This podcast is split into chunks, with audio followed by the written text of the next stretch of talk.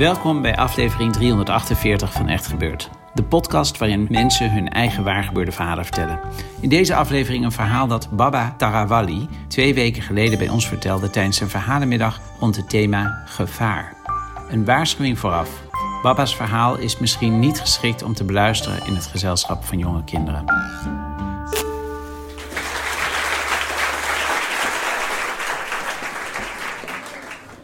Dames en heren, ik neem jullie mee naar Sierra Leone 1992, waar een burgeroorlog woedde. Mijn stad, Kono, een diamantgebied in Sierra Leone waar de oorlog omdraaide, werd door de rebellen omsingeld. En de rebellen waren geen lievertjes. Ze waren rebellen uit Liberia die het land hebben binnengevallen en alle mensen die ze ontmoeten doden of geamputeerden. Hun operatie noemden ze Operation No Living Thing. Operatie Niemand gaat leven. Alles wat beweegt moet dood. In onze stad waren we in angst. En we willen alles aan doen om te zorgen dat de rebellen niet in onze stad komen. Mijn broer werd soldaat. Hij wil alles aan doen om onze stad te verdedigen. En ik, de pacifist, koos om niet te vechten. Ik ben bang voor oorlog. Dus ik wil niet vechten. En mijn vader zei tegen mijn broer, Baba, die kiest om niet te vechten. Jij wel. Dus jij moet ons verdedigen. Dus de verhaal over Oekraïne nu, als ik naar Oekraïne kijk, dat alle mannen niet naar, naar weg mochten. Ik moet aan mijn eigen verhaal denken. Dat ik moet gewoon daar ook blijven. Dus mannen die niet willen vechten, hebben het zwaar. Als je niet wil. Dus in mijn stad waren heel veel jongeren die willen ook bij de militair behoren. En ik niet. Maar een dag voor twee dagen voor de grootste aanval op onze stad, werden we allemaal gevraagd, alle mannen, om kuilen te gaan graven voor de militairen tegen de rebellen. En we gingen allemaal daar graven, kuilen. En uh, een dag ook daarvoor werd een jongeman geëxecuteerd. En wij mochten allemaal bijstaan om te kijken. We allemaal jong, maar we dachten dat de jongen een rebel was. En we juichten dat hij geëxecuteerd wordt. Want we dachten, hij is de vijand. Achteraf bleek dat de jongen was gewoon uit Guinea, de buurland. Hij was op zoek naar zijn familie. En hij werd daar gepakt door soldaten. Die willen iets laten zien aan ons. Dat we hebben een vijand. En die moet weg. En we stonden allemaal te kijken. En heel veel van dat soort dingen gebeuren na de aanloop voordat onze stad viel. Een andere jongen werd ook gepakt. Voor ons neus zijn oor afgehakt. Als kind, we kijken. En we denken, dit zijn de vijand. En vaak achteraf blijkt dat zijn onschuldige burgers die werden vermoord. Om ons angst in te boezemen. Zo ging het totdat een dag voor de grote aanval de rebellen hebben gezegd, we komen morgen naar jullie stad. En alles wat we daar gaan ontmoeten, gaan we doden. Jullie gaan allemaal weg. We gaan het vernietigen. En mijn moeder die was al gevlucht naar de buurland Guinea. En die heeft allerlei dingen gedaan om te zorgen dat ik naar Guinea kwam. Maar ik deed het niet. Ik wil mijn vader niet alleen laten. Maar op de laatste dag kwam een vrouw naar mij toe en zei tegen mij dat je moeder ernstig ziek was. En als ze niet weggaat, gaat ze dood. Dus ik wil afscheid van jou nemen. Maar dat was een smoes van mijn moeder om te zorgen dat ik vluchtte.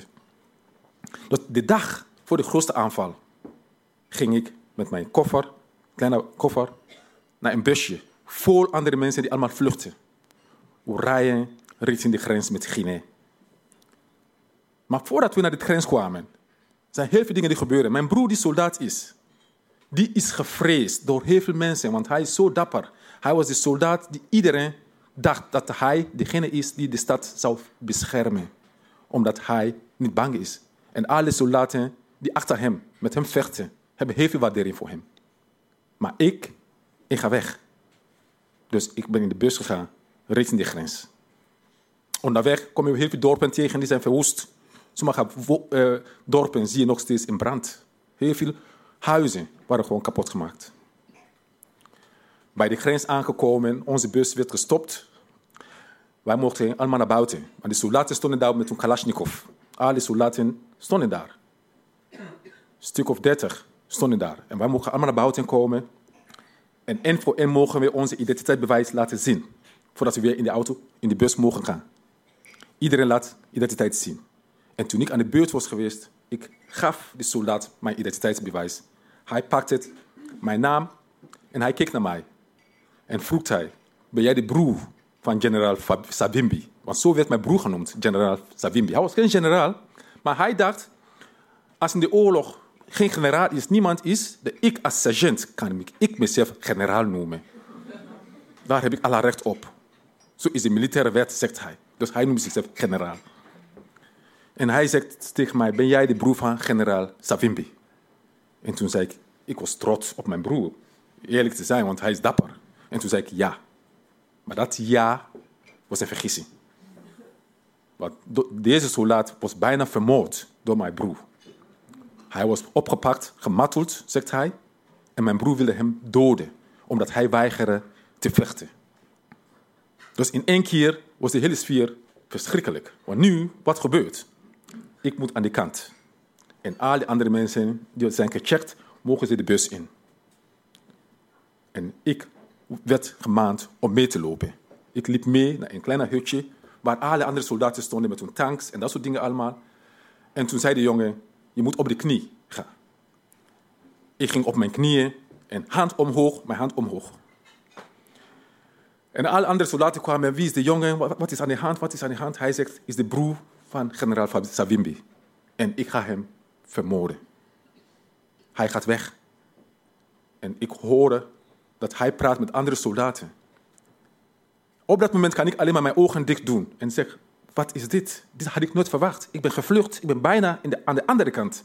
En nu word ik hier door de soldaten die moeten mij beschermen. Nu ga ik hier dood. Ik zat daar, ik, op mijn knie daar, met mijn hand omhoog. En de man zegt: Ik ga je echt vermoorden. En ik hoor de Kalashnikov ook, de krak. En toen zei de ene soldaat tegen hem: zei, doe maar niet. Als je dit doet, gaan wij allemaal aan. Wij gaan allemaal dood hier. Want als Savibi hoort dat wij zijn broer hebben vermoord, gaat het niet goed komen met ons. Dus laat de jongen gaan. Laat de jongen gaan. En toen kwam hij naar mij toe. Hij zegt opstaan, ik sta op en hij geeft mij een schop. Ga maar weg. Ik weet niet hoe snel ik daar moet weg. Ik liep heel snel naar de bus en alle passagiers wachten op mij. Iedereen dacht, die jongen komt niet meer terug. Ik ben de bus gegaan, de grens over naar Guinea.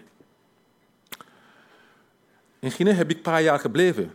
En daarna moest ik toch deze gesprek met mijn broer voeren. Maar ik ben weer teruggekomen naar Sierra Leone weer, nadat de oorlog een beetje was... Uh, ja, ik had nog een, uh, een weg genomen via uh, Guinea, Conakry en terug naar Freetown. En daar kwam ik ook mijn broer tegen. En heb ik dit verhaal tegen hem gezegd. Ik zeg, door jou, door wat jij allemaal hebt gedaan in de oorlog, was ik bijna vermoord.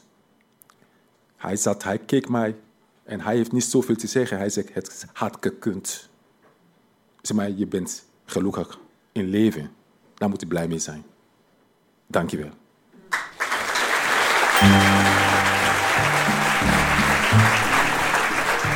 Dat was een verhaal van Baba Tarawali. Baba is schrijver van onder meer de boeken De God met de Blauwe Ogen en De Verloren Hand. Zijn nieuwe roman verschijnt volgend jaar en gaat De Getemde Man heten. Wil jij ook een keer een verhaal komen vertellen bij Echt Gebeurd? Geef je dan op via het formulier op onze geheel vernieuwde website www.echtgebeurd.net. Voor onze komende edities zoeken we verhalen die te maken hebben met de liefde en met het thema te water. Maar ook met andere goede verhalen mag je je melden. De redactie van Echt Gebeurd bestaat uit Paulien Cornelissen, Bijke Aarts, Maarten Westerveen, Renette Kwakkenbos, Tom van Rooyen en mijzelf, Mieke Wertheim. Productie Hanne Ebbingen, zaaltechniek Jasper van Oorschot, podcast Gijsbert van der Wal. Dit was aflevering 348. Bedankt voor het luisteren. En vergeet niet, we denken vaak dit is de vijand. Maar vaak blijkt achteraf dat ook dat onschuldige burgers zijn die worden vermoord.